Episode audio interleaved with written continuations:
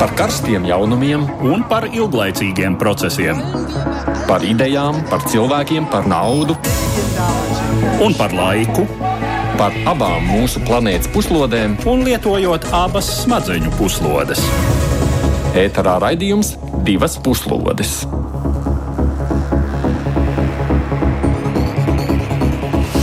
Labdien, jaunajā gadā jums saka raidījuma divas puslodes veidotāji. Mēs esam Edvards Liniņš, Naidis Tomsons un mūsu producenti Rieva Zeiza. Nezinu, kā citiem, man liekas, ka šajā gadā mums būs tik daudz tematu, par ko runāt laika gaitā. Tas gads nepavisam nesolās būt mierīgs. Ko tad mēs varam tā droši prognozēt nākamajos mēnešos? To mēs pārlūkosim arī raidījuma beigās, šiem pieminot arī notiekošo Ukrainā, bet tādu plašāku analīzi vispirms veltīsim tuvajiem austrumiem. Ir skaidrs, ka Izraela un tās kaimiņu valstis tuvākajos mēnešos joprojām būs ziņu virsrakstos. Viens ir pašreizējais karš Gazas joslā, bet nemazāk svarīgi ir notikumi blakus esošajās teritorijās. Īpaši Libānā, kur bāzējas Izraēlas spēcīgākais ienaidnieks - kustība Hezbollah. Tikmēr Latvijā nu, šķiet vairāk izjutīsim sekas tiem notikumiem Sarkanajā jūrā. Jemenas kursīt kaujinieki radījuši pamatīgas problēmas lielajām kuģniecības kompānijām, apdraudot kuģu satiksmi jūrā. Jauno gadu Latvijā sagaidījis, un pie mums šodien viesojas ārpolitikas institūta asociētais pētnieks un Delavēras universitātes doktorants Toms Rātfelders. Sveicināts! Labdien! Un tāpat mums prieks redzēt mūsu studijā ģeopolitikas pētījuma centra direktoru Māri Anģānu. Sveiks! Sveiki! Nu, un sākam mēs vispirms ar to, kas notiek Sarkanajā jūrā. Pēdējās dienās pasaules mediju virsrakstos arvien biežāk vīd jautājumi un pieņēmumi par sarkano jūru kā to benzīna mucu, kurā pašreizējās gazas joslas kara darbības dzirksteles var izraisīt daudz plašāku reģionāla mēroga uzliesmojumu. Jau drīz pēc Izraels militārās operācijas sākuma Jemenas husītu kaujinieki paziņoja par gatavību iesaistīties šai konfliktā palestīniešu teroristu pusē.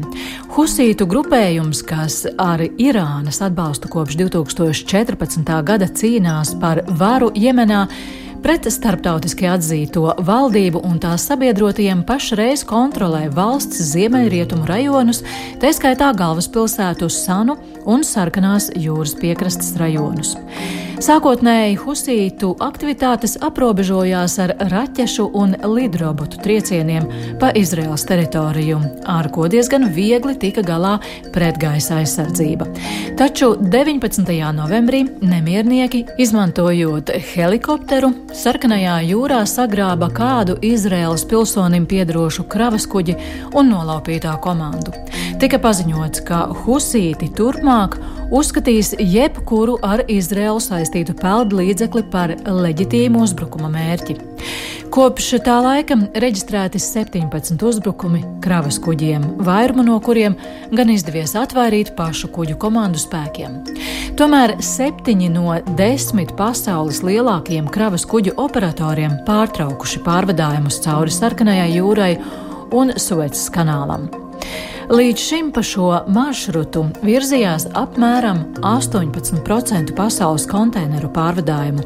Arī ievērojama daļa naftas piegāžu Eiropai no Persijas līča rajona. Alternatīvais maršruts apkārt Āfrikai pagarina ceļā pavadīto laiku par apmēram divām nedēļām un, attiecīgi, pamatīgi palielina izmaksas draudot ar nopietnu Āzijā ražoto preču un degvielas cenu kāpumu Eiropā. Rietuma atbildē Husītu akcijām ir 18. decembrī uzsāktā operācija Pārticības sargs Savienoto valstu un Lielbritānijas karu kuģiem ar vairāku citu valstu kara jūrnieku piedalīšanos uzsākot kravas kuģu aizsardzību.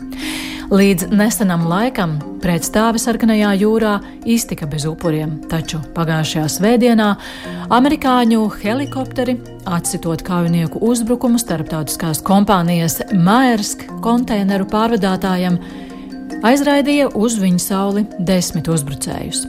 Kā paziņoja Lielbritānijas aizsardzības ministrs Grants Šeps, Sabiedrotie nevilcināšoties arī turpmāk vajadzības gadījumā lietot spēku, kas varētu nozīmēt arī triecienus militārajiem objektiem Jemenes teritorijā. Tikām vakar sarkanās jūras ūdeņos ieradās Irānas jūras spēku eskadras mīnu kuģis liekot spekulēt par iespējamu tiešu militāru konfrontāciju starp Irānu un rietumu sabiedrotajiem. Šī notikuma attīstība apdraud nesen iezīmējušos attiecību normalizēšanos starp Irānu un Saudu Arābiju un ar to saistīto iespējamo Jemenas pilsoņu kara noslēgumu. Kāpēc tieši Jemenas kaujinieki šādā veidā ir iesaistījušies nu, tieši šajā kara tādā ziņā? Tā ir uh, viena no, viens no Irānas atbalstītajiem spēkiem šajā reģionā. Tāpat kā Hezbollah, uh, tāpat kā Hamas, arī mm, šie husīti Jemenā ir Irānas sabiedrotie. Nu, viņi ir atrodas ļoti atbilstošā geogrāfiskā Labā pozīcijā. Vietā, jā. Jā, viņi kontrolē sarkanās jūras piekrasti pie ieejas uh, tātad sarkanajā jūrā no no Indijas okeāna puses, un, un tur viņi var eh, savu tā sacīt, eh, eh, savas akcijas īstenot. Nu, un, ja runājam par pašu Jemenu, kas tad notiek pašā Jemenā šajā brīdī? Nu, pagaidām tur situācija ir tāda, ka hus, uh, Husīti, Hutī, kā angliski saka, ir uh, nostiprinājuši savas pozīcijas. Pagaidām tur, kā jau iepriekš minējāt, minējāt, ir pamiers, vairāk vai mazāk turās, kā, bet tas pamiers ir uz tādiem noteikumiem, diemžēl, vai pa laimi, nu, atkarīgs, nu, atkarīgs kuras puses skatās, ka Hutī pozīcijas ir vairāk vai mazāk nu, stabilas Jemenas iekšienē. Bet tas nenozīmē to, ka Hutī arī pašiem nav savas intereses būt tādiem tā kā skaļākiem Irānas sabiedrotiem, skaļākiem Irānas, Irānas, um, um, Irānas aktoriem, varētu tā teikt. Un šis uh, Izraēlas-Palestīnas konflikts ir arī Hutī iespēja parādīt, pieteikt sevi kā tādus, nu, izlēmīgākus, skaļākus uh, atbalstītājus uh, Irānas pusē. Bet te ir runa kā, nu, tas tā kā ir tāds indikators visam tam, kā, kā vulkāns kādreiz grūzda apmēram tā lielākā teritorijā. Jā, nu, tuvie austrumi labu laiku ir un vēl būs, ka bumba ar laikdegli ir daudz un dažādi konflikti. Tuvies austrumos, kas var uzjundīt ar jaunu joni, un arī Jemenas pilsoņu karš tas ir ticis uzskatīts par tādu aizmirsto konfliktu rietumos. Bojā gājuši nu, jau gandrīz desmit gadu laikā pusmiljons cilvēku aptuveni ļoti liels skaitlis no gan kauju rezultātā, gan slimību, gan bada mm. rezultātā. Nu, rietumos par to nav īpaši daudz ticis runāts. Un šo konfliktu tas atkal nu, uznāk uz, uz skatuves ar daudz tādu skaļāku skaļāku troksni. Bet, manuprāt, tas, kas notiek tiešām sarkanajā jūrā, vairāk saistīts ar Irānu. Nu, nu, Hutu nemiernieki viņi cieši koordinē savas darbības ar Irānu. Irānas bruņoto spēku pārstāvis visticamāk atrodas arī Hutu kontrolētajās teritorijās, un viņi nu, vienā vai, vai lielākā vai mazākā mērā arī nosaka to, kas būtu jādara. Un ko Irāna šādā veidā grib izdarīt, ja ko viņi grib panākt? Nu, tas pirmkārt ir šītu sunītu konflikts konflikts starp divām pamat sektām, vai, vai kā citādāk terminu labāk atrast. Tad tas divām, jā, nu jā, divām daļām, kas daļai pārklājas starp Irānu, Saudarābijas vadītiem blokiem. Pagājušā gadā gan nu, Saudarābija normalizēja attiecības ar Irānu, Ķīnas, Ķīnas palīdzību. Nu, vēl viens, protams, lielāks vai tikpat liels dalījuma bloks ir starp Irānu un Rietumiem. Nu, Irāna, atcerēsimies, kodo programma, kur, kur bija vienošanās prezidenta Obamas laikā, ko savukārt Trumps nu, likvidēja, Irāna atsāka savu kodola programmu un, un, un attiecīgi pretstāv starp Irānu un Rietumiem, jo īpaši Izrēlu. Bet ko dod šādu, nu, pieņemsim, kuģu? sagrābšanu, apšaudīšanu. Nu, principā tā ir, ko arī es lasīju daudz, ka tā ir uh, Irānas stratēģija, kā mēs uh, uztveram konflikta tādu tā kā eskalācijas risku, neeskalējot pārāk daudz. Jo doma ir tāda vienkārši, nu, pat, pat tas, ka mēs runājam pagaidām par to vien, ka principā konflikts tuvajos austrumos var izplesties, ka tas var palikt nu, intensīvāks. Tas jau vien ir ietekmes instruments, ko teiksim, palestīnieši, pro-palestīniskāku faktoru aktori var izmantot, lai, teiksim, nu, ietekmētu uh, kalkulācijas Amerikas Savienoto Valstu iekšienē kaut vai, vai, vai arī kā Amerikas Savienoto Valstu sabiedrība skatās uz to. Un tad uzreiz ir jautājums, kas notiek, teiksim, ar um, um, spiedienu izdarīšanu Izrēlai. Un vienkārši pagaidām tā situācija arī, ko Hezbollah, Irāna un arī, teiksim, Sīrijā gan, un Irākā, respektīvi, Irānas sabiedrotie dara, viņi mēģina uzturēt tādu tā kā gruzdošu stāvokli konfliktam. Vienkārši, lai visu laiku mēs runātu, lai visu laiku būtu tas spiediens, tajā pašā laikā, lai tas neaiziet, nu, kā mēs zinām, kad kūlu dedzina, lai tas neaiziet nekontrolējumā eskalācijā. Un kā tas spiediens darbojas šobrīd? Nu, es domāju, Pirmkārt, tas darbojas, protams, uz Savienoto Valstu administrāciju, uz prezidentu Baidenu, kurš ir diezgan neapskaužamā situācijā. Uh, viņas, viņa partijas lielai daļai, sevišķi kreisajam spārnam, uh, lielai daļai viņa elektorāta nepatīk, nav pieņemama nu, gan Izraēlas taktika karā pret Hamas, uh, upuru skaits, pat ja varbūt kā mēs vienmēr lasām šais preses aprakstos, tātad pēc Gazas sektora veselības resora ziņām. Jā. Um, tas tiek minēts, nu, šī atsauce zināmā mērā nozīmē, ka tie dati vēl varētu būt pārbaudāmi un precizējami, bet eh, jebkurā gadījumā uh, upuri nenoliedzami ir, cilvēku ciešanas nenoliedzami ir. Um, tradicionālais atbalsts šais Amerikas aprindās uh, Palestīnas valstiskumam, uh, vispār nu, uzskats par, par to, ka šai konfliktā drīzāk tomēr palestīnieši ir cietusī puse. Tas viss rada nu, diezgan lielu, diezgan lielu tādu spriedzi un sevišķi pašreizējiem prezidentam šai priekšvēlēšanu gadā, kur no vienas puses Uh, kur teiksim, ir, ir, ir daudz iespēju um, priekšvēlēšana cīņā atrast viņam, tā vienkārši sakot, kur piesieties. Vai nu viņš šo karu uh, nav pratis uh, nobremzēt, uh, ir pārāk atbalstījis Izraelu, to uzkurinājis, uh, vai arī viņš ir rīkojies, tas varētu būt pārmetums teiksim, no, no daļas republikāņu puses, ir rīkojies pārāk neizlēmīgi, uh, ir, ir tomēr mēģinājis, nu, tā tad nav, nav darījis pietiekami un tā tālāk. Un tā tālāk. Nu, un, uh, šāda, uh, kuģu satiksmes traucēšana, kas, eh, kas rada problēmas gan Eiropai, gan nu, Nu, Amerikai mazāk. Jā. Jā. Tā, tā ir primāra Eiropa. Amerikai tas pat varētu būt savā ziņā izdevīgi, jo ja tiešām tās um, naftas piegādes tiek, tiek no, nozīmīgi ietekmētas no Persijas līča rajona, tad daļa Eiropas patērētāju varētu pārorientēties uz Savienoto valstu naftas piegādēm. Bet nu, jebkurā gadījumā, jā, tas ir pietiekami nervozējošs faktors. Nu, bet skatāmies, tātad, ko tad dara šobrīd Eiropa. Nu, mēģina sargāt tos kuģus, vai ne? Neko vairāk. Mazāk vai vairāk sekmīgi. Nu, mēs redzam, tur viena kompānija paziņo, tāpat pieminētā mērķa, ka jā, atsāk kuģot, atkal pārtrauc kuģot. Nu, mēs, ko mēs visticamāk jutīsim mazliet kaut ko, es saprotu, ekonomiski naftas cenās vai kādās preču cenās. Piegā, piegādes, dažādu veidu piegādes, preču piegādes, kas citādāk iet caur Suecas kanālu, kam jāiet apkārt visai Afrikai.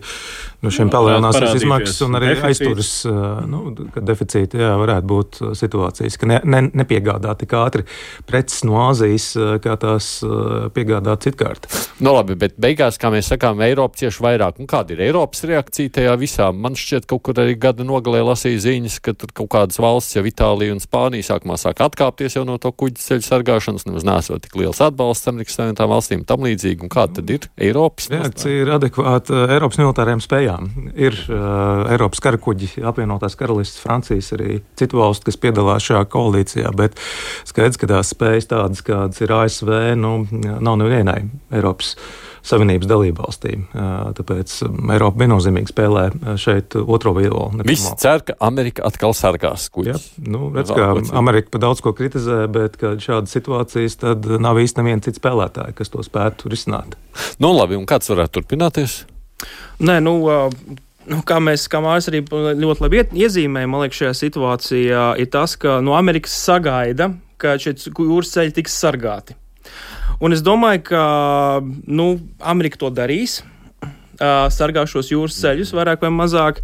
Uh, Bet es nedomāju, varbūt, nu, negribētu piekrist tiem apakaliptiskiem scenārijiem, ko daudz saka, ka Irāna tagad nu, atbildēs ar, teiksim, uzbrukumiem ASV sargiem. Mm. Manuprāt, Irānai nav interese šo konfliktu arī vairāk vai mazāk um, izplest.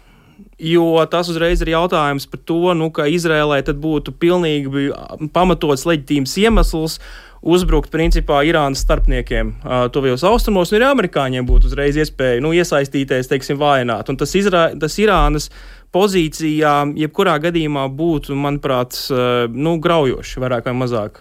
Un arī, un arī mēs nedrīkstam aizmirst to, ka Irānas režīmā pašām nav nu, labas nu, stabilitāte. Irānā protesti diezgan daudz, mēs atceramies, bija notika. Un, nu, principā šāds karš tad ir uzreiz jautājums, kā režīms tikt galā ar iekšējo spiedienu. Tāpēc es domāju, ka, nu, nav īsti vēlme aiziet uh, tik tālu, lai būtu tiešām atklāta konfrontācijas ar šiem kuģiem. Bet tas, ka būs tāda gruzdēšana, to es domāju, gan mēs varētu saprast. Šis status quo turpināsies kādu laiku tagad, ja? jā? Nu, visdrīzāk, jā, un būs tāda nervu kutināšana. Droši vien tas, uz ko cerēja Savienotās valstis un sabiedrotie, uh, ka viņi parādīšanās vien tur pārtrauks šo husītu, tā sacīt, šīs avantūras un, un akcijas, nu, tā sacīt, kaķis mājās peles. Mm. Pēles pālām. Vai ne? Bet nu, izrādās, ka nē, ka ir pietiekami, pietiekami šie brašuļi aizrautīgi. Bet jā, Irānas, protams, militārās spējas salīdzinot ar Savienoto Valstu jūras spēkiem, kas jau gadu desmitiem ir dislocēti šai reģionā, um, tur ir pamatīgi labi situējušies. Uh, nu, um, tā būtu diez, tās būtu diezgan ātras beigas, ja Irāna iesaistītos kādā nopietnā militārā avantūrā pret Savienotajām valstīm. Nu, reiz mēs ieskaramies tam, kas notiek vispār citās valstīs ap Izraēlu, tad droši vien arī par to tālāk turpinām. Jau kopš Izraels un Hamas kara sākuma tiek piesaukta iespēja, ka Izraels aizsardzības spēkiem var nākties iesaistīties nopietnā kara darbībā arī pie citām savas valsts robežām. Pirmām kārtām šai sakarā min ziemeļu robežu ar Libānu un Sīriju kur Izraels spēcīgākais pretinieks ir musulmaņu šītu kustība Hezbollah, jeb Allāha partija. Organizācijas spēki jau kopš pagājušā gadsimta 80. gadiem bāzējas Libānā un Sīrijā un saņem nopietnu atbalstu no Irānas. Hezbollah spēkus skaitliskā lieluma aplēses svārstās visai plašā amplitūdā. Organizācijas līdera Šeiha Hasana Nasrallā apgalvojumi par 100 tūkstošu vīru gan tiek vērtēti skeptiski. Tomēr apmēram 50 tūkstoši viņa rīcībā varētu būt, pie tam daudzi no tiem ir kaujinieki ar Sīrijas pilsoņkarā gūtu nopietnu pieredzi. Arī Hezbollah bruņojums un Libānas dienvidos izveidotās fortifikācijas būves tiek vērtētas kā krietni pārākas par tām, kāds bija Hamas Gazas sektorā. Līdz nesenam laikam Izraels un Hezbollah spēki apmainījās artērijas, raķešu un strēlnieku ieroču apšaudēm, Izrēlai arī plaši izmantojot aviāciju. Novērotāji to raksturoja kā teju ikdienišķu rutīnu, lai arī tā prasīja vairāk nekā 120 dzīvību, no kuriem apmēram 3 ceturdaļas ir nogalinātie Hezbollah kaujinieki. Tomēr, tuvojoties gada beigām, Izraels retorika kļuva draudīgāka, un vakar Libānas galvaspilsētā Beirūtā nogranda eksplozija, kurā dzīvību zaudēja organizācijas Hamas. Otra ietekmīgākā persona - tās militārā spārna dibinātājs un vadītājs Saleks Al-Aururi. Uzbrukums visdrīzāk veikts izmantojot līderobotu. un kustības Hezbollah pārstāvi jau paziņojuši, ka šis Izraels solis nepalikšot nesodīts. Vēl viens potenciālais militāro spēku piesaistes virziens Izrēlai varētu būt Jordānas upes rietumkrasts. Pēc palestīniešu pašpārvaldes sniegtajām ziņām 2023. bijis asiņainākais gads rietumkrastā pēdējo divu desmitgažu laikā, kas jau pirms Hamas teroristiskā uzbrukuma bija prasījis apmēram 200 palestīniešu dzīvības, kurām pēc tam pievienojušies vēl apmēram 300. Pēc kara sākuma Izraels aizsardzības spēki īstenojuši intensīvus reidus rietumkrasta palestīniešu teritorijās arestējot apmēram 4800 cilvēku. Apmēram 70% no bojā gājušajiem palestīniešiem nogalināti tieši šo reidu laikā. Apmēram pusē gadījumu palestīniešu kaujiniekiem izrādot bruņotu pretestību. Tiek ziņots, ka vismaz astoņi palestīnieši nogalināti rietumkrasta izrēliešu kolonistu uzbrukumos. Savukārt palestīniešu uzbrukumos nogalināti četri izrēliešu civiliedzīvotāji un trīs militāri personas. Sevišķi plašs bijis reids 28. decembrī, kad Izraels spēki konfiscējuši apmēram 2,5 miljonus ASV dolāru no valūtas maiņas punktiem, apgalvojot, ka šī nauda tiekot izlietota teroristiskās darbības finansēšanai. Kā domājat, pletīsies karš plašumā ārpus gāzes joslas. Nu, Nelāga ziņas izskan, ka mēs runājam no Irānas, kur pie Kasem Soleimanī kapa notikuši sprādzieni. Tas mm. ģenerālis, kurš gāja bojā ASV triecienā pirms četriem gadiem. Mm -hmm. Toreiz Irāna atbildēja ar, ar raķešu triecieniem pa ASV bāzēm Irākā. Un, nu, šis seko jau sižetā piesauktajam um, uzbrukumam Libānā, kur nogalināts viens no Hamas līderiem. Un, droši vien, ka nav daudz iespēju minējumiem, kas aiz tā stāv aiz abiem uzbrukumiem. Visticamāk, uh, ka tā ir Izrēla. Tāpēc noteikti potenciāls eskalācijai ir.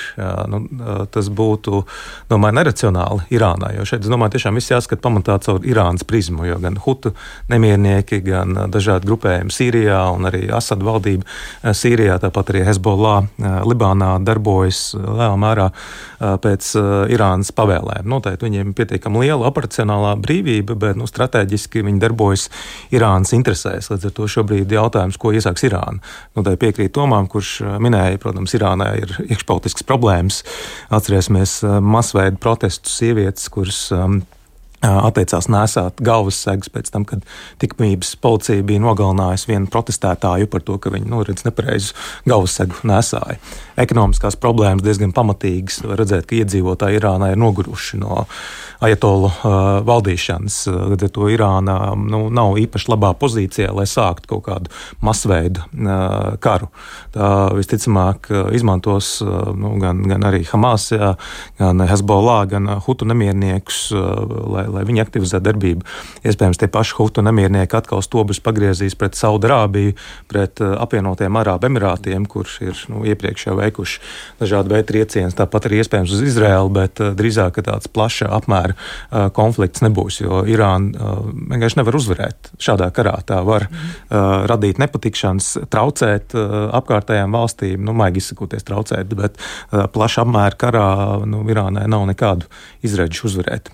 Tā pašā laikā nu, pieminētā Izraēlas aktivitāte, jā, kad nu, viņi kļūst ar vien drusmīgāk, tā to varētu sacīt. Kāds tam visam varētu turpinājums būt? Um, nu, mēs nevaram noliegt to, ka Izraela noteikti rada spiedienu uz apkārtējām valstīm atbildēt. Um, nu, kaut vai tas, ka um, līdz šim ar Libānu uh, tās ap, tā apšaudas um, konfrontācija, kas ir bijuši, nu, tas ir vairāk, ir vairāk vai mazāk ir ticis veikts tādās tā kā, nu, um, um, līnijās, kas ir pieejams, pieļaujams abām pusēm. Nu, Restīvi viņi nešauja tālāk, uh, tālāk, kur viņi varētu šaut Izraels teritorijā, un Izraela, teiksim, nešauja arī tālāk, nu, Libānas teritorijā, un tas ir, tas ir bijis ok. Tagad izstāsta, ka Izraela ir nu, pārkāpusi to līniju, uh, teikusi triecienu Beirūtā, uh, kur šis Hamas līderis bija. Nu, tad tagad, uh, principā, mums jāgaida ir Nasanas Srālas uzruna, kurām vajadzētu būt jau, nu, principā šodien. Um, ko tad viņš teiks? It kā iepriekš um, tā pozīcija ir bijusi tāda Libānas iekšienē, ka uh, mēs nevēlamies eskalēt uh, situāciju ar Izrēlu, jo tas var uh, nu, sagraut arī mūsu valsts ekonomiku, kura tā Libānā jau ir ļoti, ļoti sliktā stāvoklī. Un es domāju, ka Hezbollah arī to saprot. Uh, viņi saprot to, ka ja gadījumā uh, nu, kaut kas aktīvāk sāksies ar Izraēlu, tad viņi būs tie, kurus vainos arī teiksim, nu, iekšējā sabiedrība uh, Libānas iekšienē. Nu, tas arī graus viņu tā tās politiskās pozīcijas uh, vairāk vai mazāk. Uh, un es domāju, nu, kamēr nebūs tas. Um, Tāds liels Irānas spiediens, kā Mārcis arī pilnīgi pareizi teica, es domāju, tikmēr tā ir, būs tā vēlme saglabāt arī šādu situāciju.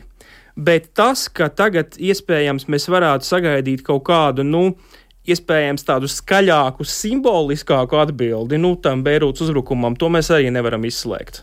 Mm. Kā tu redzi, Edvard, tā situācija? Jā, nu ir jāpiekrīt, ka uh, līdz šim tas izskatījās ļoti loģiski, ka neviena ne otra puse centās nepārkāpt šīs sarkanās līnijas. Uh, tā tad, jā, tas, tas sagādāja uh,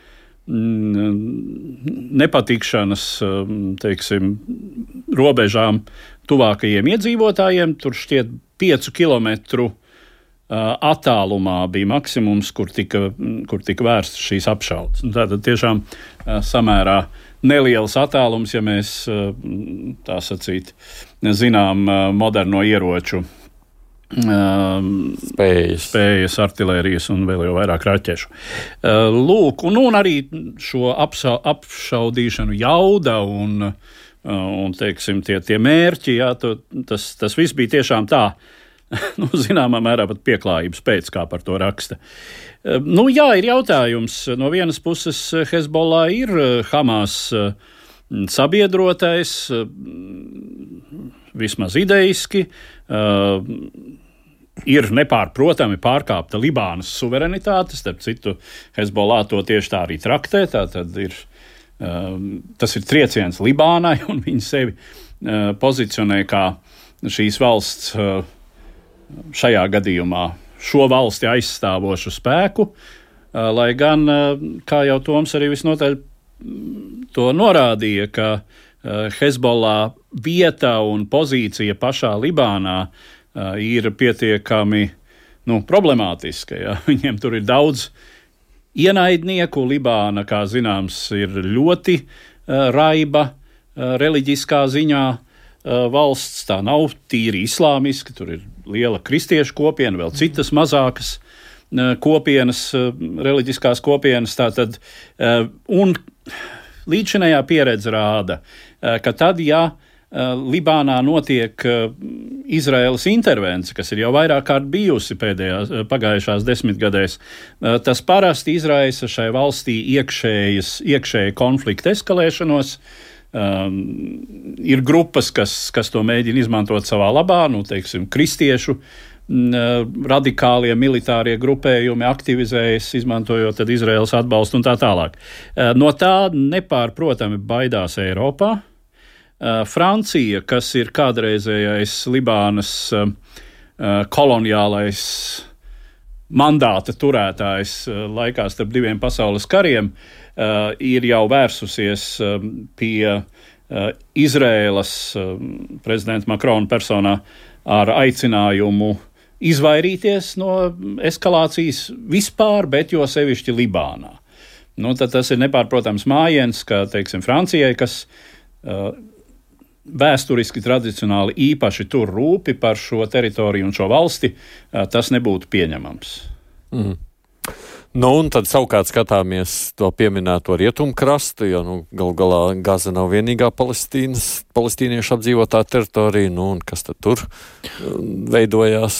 Nē, no rietumkrastes pagaidām izstāsta, ka vairāk vai mazāk ir mēģināta tāda, nu, no, no, tāda neitrāla, nogaidoša pozīcija veidot, jo, nu, kā mēs zinām, tad. Uh, Palestīnas uh, pašpārvaldes fakcijai Fatah, uh, ko vada Mahmuds Sabās, viņiem nav arī īsti labas attiecības ar Hamas. Kā mēs zinām, tad jau kopš 2006. gada, kad bija vēlēšanas, principā tur notika starp abām frakcijām veidu pilsoņu karš, kur rezultātā tad principā Palestīnas pašpārvalde zaudēja kontroli pār, pār gazas sektoru. Un pagaidām nu, tā pozīcija, manuprāt, ir diezgan loģiska viņiem, jo no vienas puses nu, viņi neatbalsta to, ko Hamas dara bet no otras puses, nu, viņiem arī, viņi arī neatbalsta to, ko Izraela dara. Nu, tāpēc tā pozīcija ir tāda, ka mēs ne īsti, īsti nostājamies skaļi Hamas pusē, ne, ne, ne, ne, ne arī mēs īsti nostājamies Izraels pusē. Es domāju, ka šādu pozīciju uh, Palestīnas pašpārvalde domāja, ka gribēs turēt uh, kādu laiku. Es domāju, ka tā vēlēsies iesaistīties iespējams arī. Uh, Gāzes nākotnes pārvaldīšanā, ja tiešām Izrēlai izdosies iztīrīt visu gāzes sektoru no Hamas, kas būs, nu, manuprāt, ļoti grūti, bet nu, tas ir izdarāms, bet ļoti grūti, uh, tad. Um, Tad tas arī principā būs jautājums par iesaisti un, protams, arī koordināciju ar Eģipti. Jo, jo, jo Eģiptei arī ir diezgan liela ietekme šajā jautājumā, kas notiks ar šo sektoru. Nu, mums te iepriekš jau pieminētā kontekstā Jānis prasa, kā uz visu šī fona, un tam mēs runājam par to sarkano jūru un visu to, kas notiek ap Irānu, izskatās Brits paplašanāšanās ar Saudarābiju, apvienot Ārābu Emirātiem un Irānu. Ja, nu, sākās nelāga paplašināšanās, jo Argentīna izstājās Argentīna no paplašināšanās projekta. Es domāju, ka tas šeit Briks kopienai kopumā pa labi drīzāk nenāk. Mm. Viņa kļūst uh, fragmentētāka, plašāka, būs grūtāk uh, panākt kādus kompromisus savā starpā. Jo nu, līdz šim uh, nu, bija salīdzinoši līdzīgas kaut kādās nu, domāšanas veidnēs. Krievija, Ķīna, Brazīlija. Indija, Dienvidāfrikas Republika, tad nu, nākot klāt vēl valstīm nu, diezgan dažādi domājošām, atkal nu, tāpat Irāna vai ne Saudārābija. Nu, es domāju, būs ļoti grūti kaut kādu kopsaucēju atrast, un tas vēl vairāk kļūs par tādu kā uh, pretrietumniecisku diskusiju klubiņu. Bet no otras puses, tas brits nebūs tas, kas spēs vienot atšķirīgās, ļoti atšķirīgās, kā mēs secinājām, valsts? Nu, tomēr drīzāk, ka nē, jo tas, tas tiešām arvien vairāk sāk izskatīties pēc kaut kā līdzīga um, nu, tai valstu konstelācijai, kur savā laikā ap sevi veidoja Padomju Savienība, kurai bija dažāda līmeņa sabiedrotie dažādās pasaules malās, un tās bija gan tās augtās sociālā, sociālistiskās orientācijas valstis, mm -hmm. nu, tādi ciešākie sabiedrotie, kā piemēram Kuba vai Vietnama, kuras tad savukārt sadarbojās savā starpā un tajā tādā kombinācijā dažbrīd ietilpa arī Indija. Uh, cik tālu savukārt Indijas tradicionālais pretinieks Pakistāna bija ciešākais savienoto valstu sabiedrotais šajā reģionā. Eh, nu, īsāk sakot, eh, šīm valstīm nav tādu vienojošu vērtību orientieru, eh, nu, par kādiem mēs tomēr varam, par spīti visām Orbāna kunga dīvainībām, runāt Eiropas Savienības gadījumā, kur demokrātija, tiesiskums, pilsoniskā sabiedrība ir nepārprotami vērtību orientieri un kritērijs faktiski atrasties šai valstu mm kombinācijā šajā valstu savienībā. Šeit nu, mums te ir uh, pilnā, tā sacīt, galerijā, sākot no absolūtas monarhijas, kas ir Saudu karaļvalsts mūsdienu pasaules kontekstā stipri arhaisks politisks veidojums, līdz nu, tādām traumētām vai nepilnīgām demokrātijām vai problemātiskām demokrātijām, kā piemēram Indija, kas tomēr pamatā paliek demokrātiska valsts, kur demokrātiskā sistēma darbojas, bet nu, ir ir problēmas ar tiesiskumu, ir problēmas ar pilsoņtiesībām, ar minoritāšu tiesībām un tā tālāk. Un tā tālāk. Mm. Pabeidzot tikai šo tematu loku, nu mēs te, nu, tik cik Toms mazliet pieskārās tam notiekošam šobrīd Gazā, kā tad tur ir, tur nekādas tādas izmaiņas pašā karā gadu mija nav nesusi?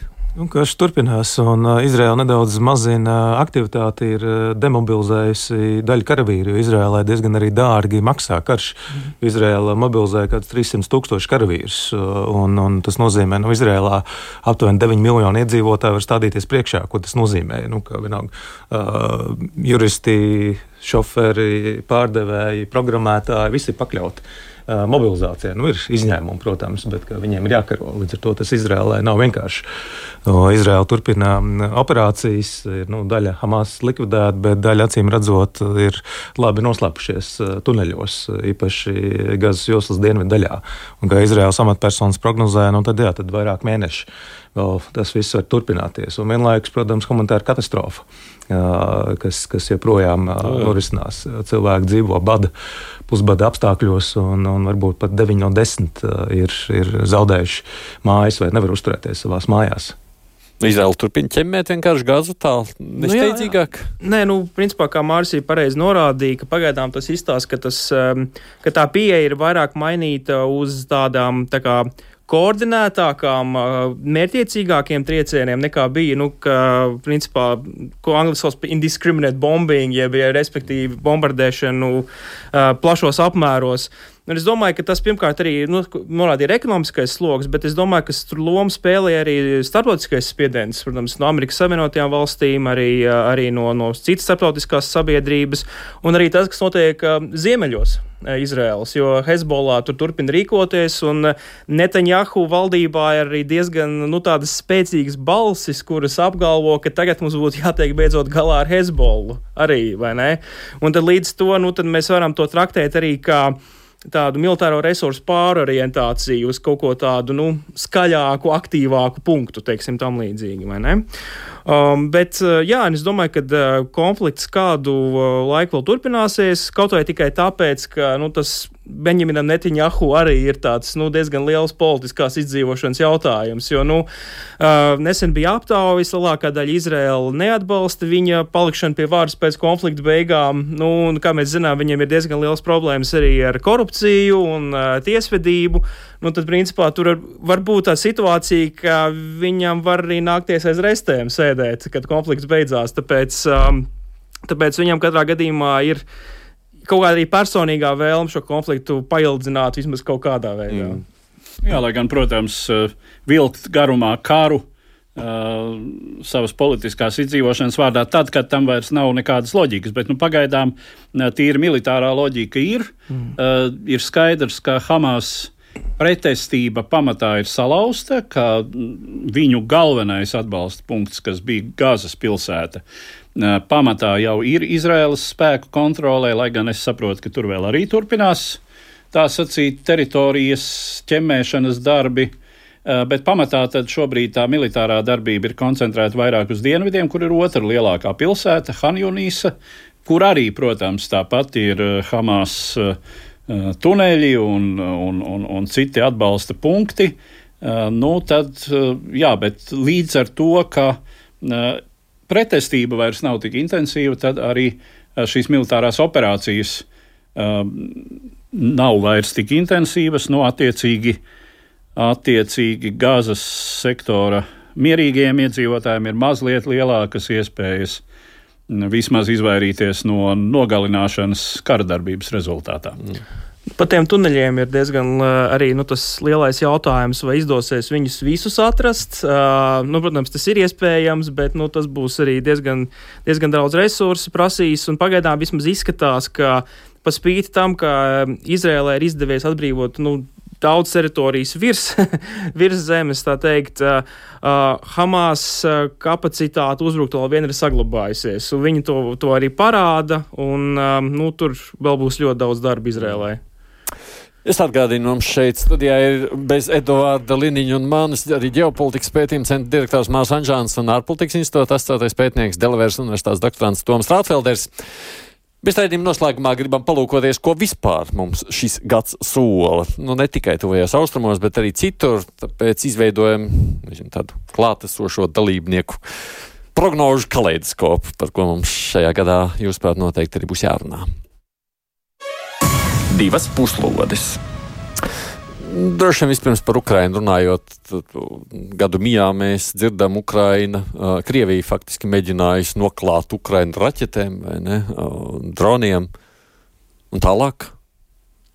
Jūs kā redzat, kas notiek tālāk? Nu, gads noteikti būs trauksmains un nekas nebeigsies šajā gadā un iespējams arī nākamajā gadā Putina runa arī bija interesanti salīdzināt iepriekšējā gada, iepriekšējā gadā uz uh, savu karavīru fona. Šogad nedaudz tāda mierīgāka.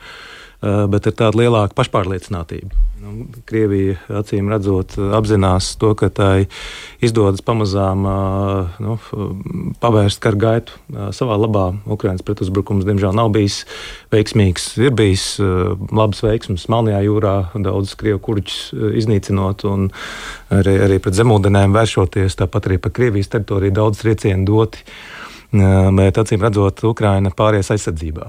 Tas arī nu, daudz tiek diskutēts šobrīd ar ASV amatpersonām un citiem par to, ka jāveido dziļāka aizsardzība. Šobrīd izskatās, ka jā, iepriekšējā gadā tas bija liels cerības ar Ukrainas uzbrukumu.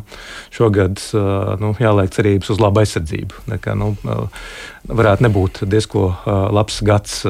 Krievija turpina apšaudas, noteikti tā to turpinās. Nu, iepriekš jau bija daudz, kas prognozēja, ka raķetes nu, beigsies un beigsies, bet nu, var redzēt, ka nekas nebeidzas, diemžēl. Un uh, visa teritorija, tik milzīga teritorija, ka Ukrainai nav iespējams nosargāt ar pretgaisa aizsardzības sistēmām. To mēs Izrēlā redzam, kur ir uh, dzelzs uh, kupols, uh, iespējams labākā pretgaisa aizsardzība pasaulē. Un uh, arī nespēja tikt galā ar visām raķetēm, ko Hamas raida. Līdz ar to nu, tāds pilnīgs drošības kupols nebūs virs Ukrainas. Un, noteikti jācer, ka Ukrainā nebūs iekšpolitisku kašķu.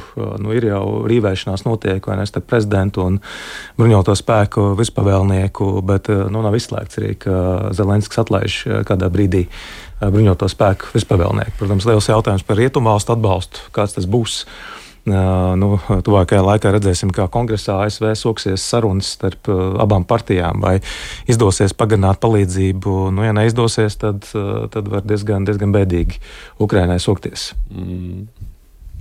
Nu, jā, es, es varu tikai papildināt to, ka nu, man, manā skatījumā es neesmu reģiona pētnieks, es varu pateikt, bet nu, man liekas, ka Ukraina diezgan lielu um, likmi likma, uh, lika uz savu pretuzbrukumu vasaras. Restīvi bija tā situācija, ka Ukrainai bija sadots daudz ekipējums.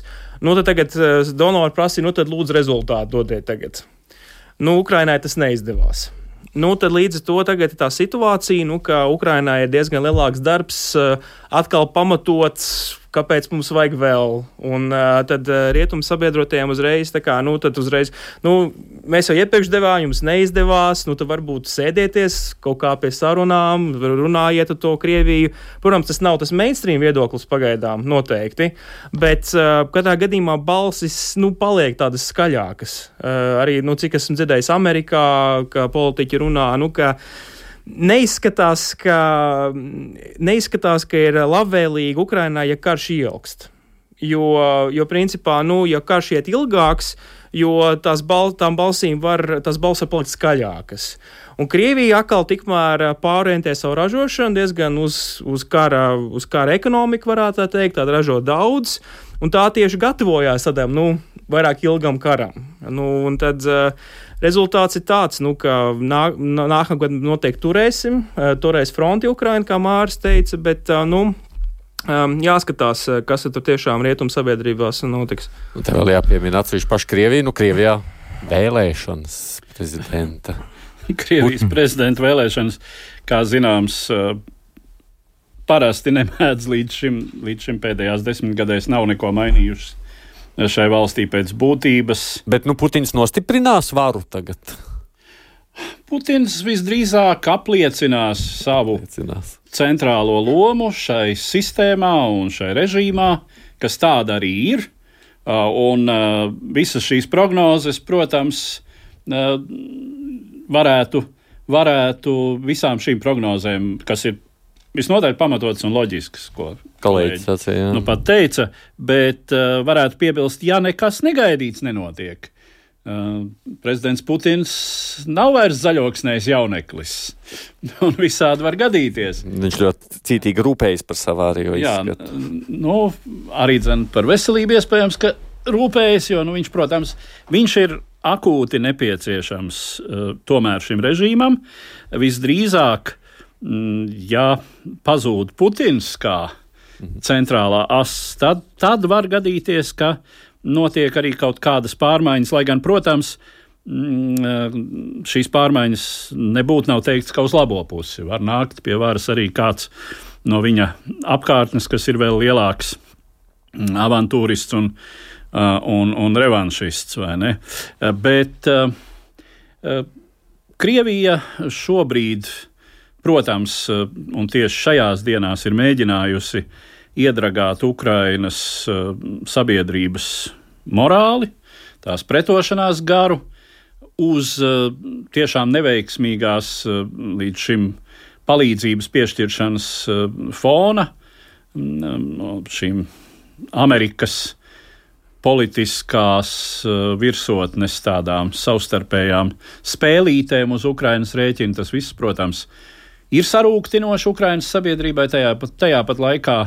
Nu, zinot Ukraiņus, arī dzirdot, lasot, ko mūsu draugi paziņas no Ukrainas raksta, nu, nu nav tik viegli viņus salauzt. Tas viss pagaidām, pagaidām vairo drīzāk niknumu un vēlmi pretoties. Un, kā jau tika teikts, visloģiskākā no militārā viedokļa ir pāriešana pamatīgā aizsardzībā, turpinot radīt ienaidniekam pēc iespējas lielus dzīvā spēka zaudējumus.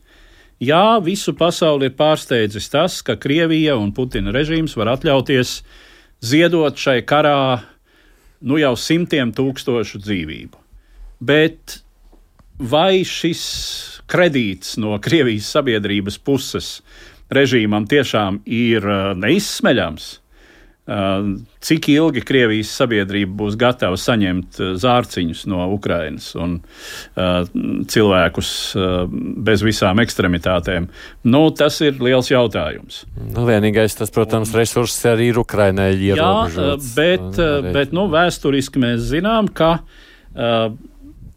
tādā salīdzinoši īsā perspektīvā, nu, es teiktu, vismaz gadu, Ukraina var pilnīgi noteikti uh, noturēties bez lieliem teritoriāliem zaudējumiem. Tā vismaz labi, es neesmu militārais eksperts, bet nu, man tā šķiet, kaut vai spriežot pēc līdzšinējām uh, militārajām norisēm.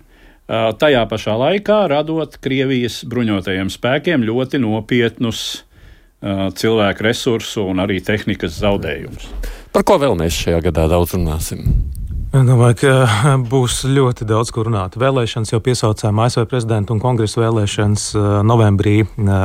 Vispār kādās 70 valstīs balsos šogad Indija, pasaules lielākā demokrātija, apvienotā karaliste. Tur līdz 25. gada janvārim jānotiek vēlēšanām, vēl nav zināms šis datums, tur tā sistēma citādāk.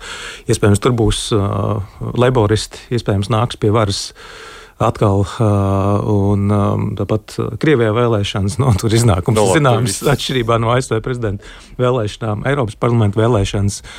Neaizmirsīsim par kiberuzbrukumiem, mākslīgā intelekta attīstību, par dabas nelaimēm. Tikko zemestrīce Japānā, atcerēsimies, pagājušajā gadā bija masīva zemestrīce Turcijā, Sīrijā. Dabas nelaimes mēs nedrīkstam aizmirst, un nu, kara visbeidzot. Karš Ukrainā, Jemenā, Eh, Sudānā, eh, Etiopijā. Mjanmā, eh, vēl virknē citu valstu pamatā, tuvajos austrumos, Āfrikā un Dienvidāzijā. Nu, tāpat Ķīnas Tautas Republikas atgūšanās pēc pandēmijas. Skatījos arī nu, tulkojumu Xi Jinpinga jaungadu uzrunāja. Viņš arī diezgan pārliecinoši norādīja, ka apvienošanās ar Taivānu notiks. Uh, diezgan pārliecinoši. Janvārī vēlēšanas Taivānā, redzēsim, kas tur nāks pie varas, vai nu, pašreizējās prezidents, kurs turpinātājs, kas raudzītos uz, uz neatkarību, arī Gomindāņu pārstāvis, kas tuvāks attiecības ar Ķīnu. Līdz ar to būs, būs ļoti, ļoti daudz notikumu un liels potenciāls, ka gads var nebūt labs. Mm. Jā, es par to Ķīnu. Es domāju, ka tas noteikti jā, jā, jāpievērš uzmanība, kas ar Taivānu notiks. Uh, jo nu, Amerikai tagad prioritāte ir tomēr ja, Austrumāzijas reģions, Ķīna. Tas ir tas, kur pagaidām ASV mēģina visus savus resursus pārlikt, vai vairāk vai mazāk. Uh, viņi mēģina no tuviem ausiem arī iet projām, un tas ir diezgan. Nu, no amerikāņu kā tā kaitinoši, varētu tā teikt, vai ne, nu, ka Izraēlas jāpie, jāpievērš resursi. Un tas, kas ar Āziju notiks, būs arī, um, būs arī saistīts ar, mūs, ar mūsu drošību. Jo, ja principā, nu, ja Āzijā ir mierīgi, tad Ukrainai arī ir lielāka resursa, ko veltīt mums, ASV ir lielāka resursa, ko veltīt mums. Līdz to es ieteiktu skatīties arī, kas tur notiek. Um, un, un, un, protams, arī tuvie austrumi un pārējie konflikti, ko Mārcis pieminēja jau. Nu, Eduards, ar ko mēs katru nedēļu runāsim, tavuprāt? Bez pieminētā, vai tur vispār vietas, kam citam vēl atliks? Nu, tur droši vien būs vieta. Uh, iespējamām, kā jau mēs runājām, energoresursu cenu svārstībām. Uh, lūk, šāda Suecas, um, Suecas ūdens ceļa krīze uh, var ļoti nopietni to tās, tās ietekmēt, nekur jau nav pazudusi tomēr arī globālā sasilšana, visas ekono, ekoloģiskās problēmas, piesārņojuma problēmas. Kas visbiežāk pēkšņi uzrodas negaidītā formā un nojauc vienu daļu no kārtīm, tīpaši runājot par kaut kādām dabas problēmām, vai ne? Jā, nu un tad tiešām jā, piesauktie, piesauktie konflikti, kuri nu, ne tuvu nav nav visi, tur var uzskaitīt vēl un vēl un vēl. Uh, nu,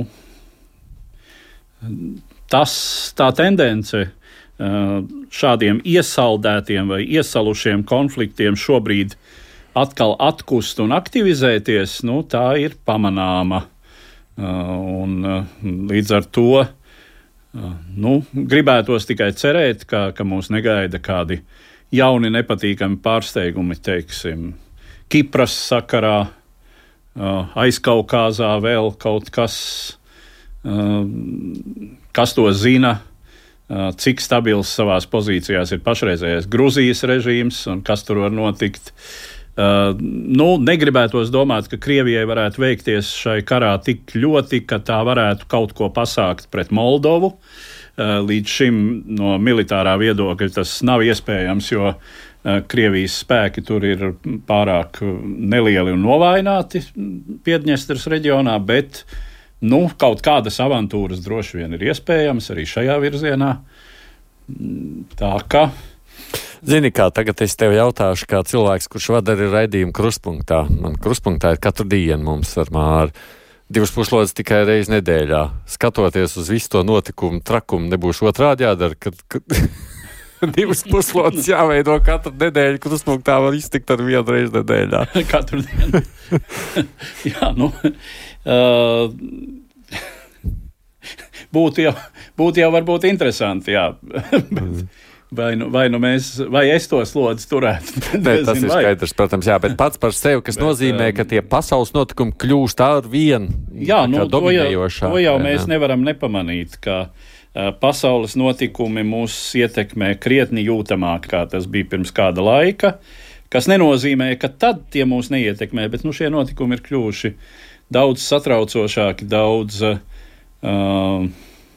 nu, destabilizējošāk arī mums. Un, un šai ziņā nu, tu ļoti pareizi, varbūt pareizi, pareizā virzienā šo jautājumu uzdevi, jo uh, krustpunktā un uh, divu pusložu tematikai ir tendence tuvināties. Ārpolitika arvien nopietnāk ietekmē, jūtamāk ietekmē arī mūsu iekšpolitiskos procesus. Un kas gan ir pases cena no 30 uz cik tur eiro salīdzinoši ar tām tematiem, ne, kas notiek pasaulē reizēm? Lai gan, protams, mums tā eiro. Jā, nu, kā, es, kā es pirms kādu laiciņu teicu vienā kompānijā, tomēr ir ļoti patīkami būt tādas valsts pilsonim, nu, kura no kuras tādu īsti neadekvātu rīcību sagaidīt nevar. nevar. Tā mums saka Edvards Liniņš, kurš ir viens no raidījuma divas puslodes līdzautoriem, tāpat kā es Aidis Tomsauts, bet es saku paldies jums arī maniem viesiem šīs dienas mūsu viesiem. Mārs Anžāns ir ģeopolitikas pētījuma centra direktors, Toms Rātfelders, ārpolitika institūta asociētais pētnieks un Delavēras universitātes doktorants arī dosies atpakaļ uz samienotajām valstīm, tūlītās tālāk studijām. Producents mums Ieva Zeiza, nu, cerībā uz to, ka tas sliktais nepiepildīsies. Gaidām to labāk labāko. Tiekamies ēt atkal pēc nedēļas uz sacirdēšanos. Divas puslodes!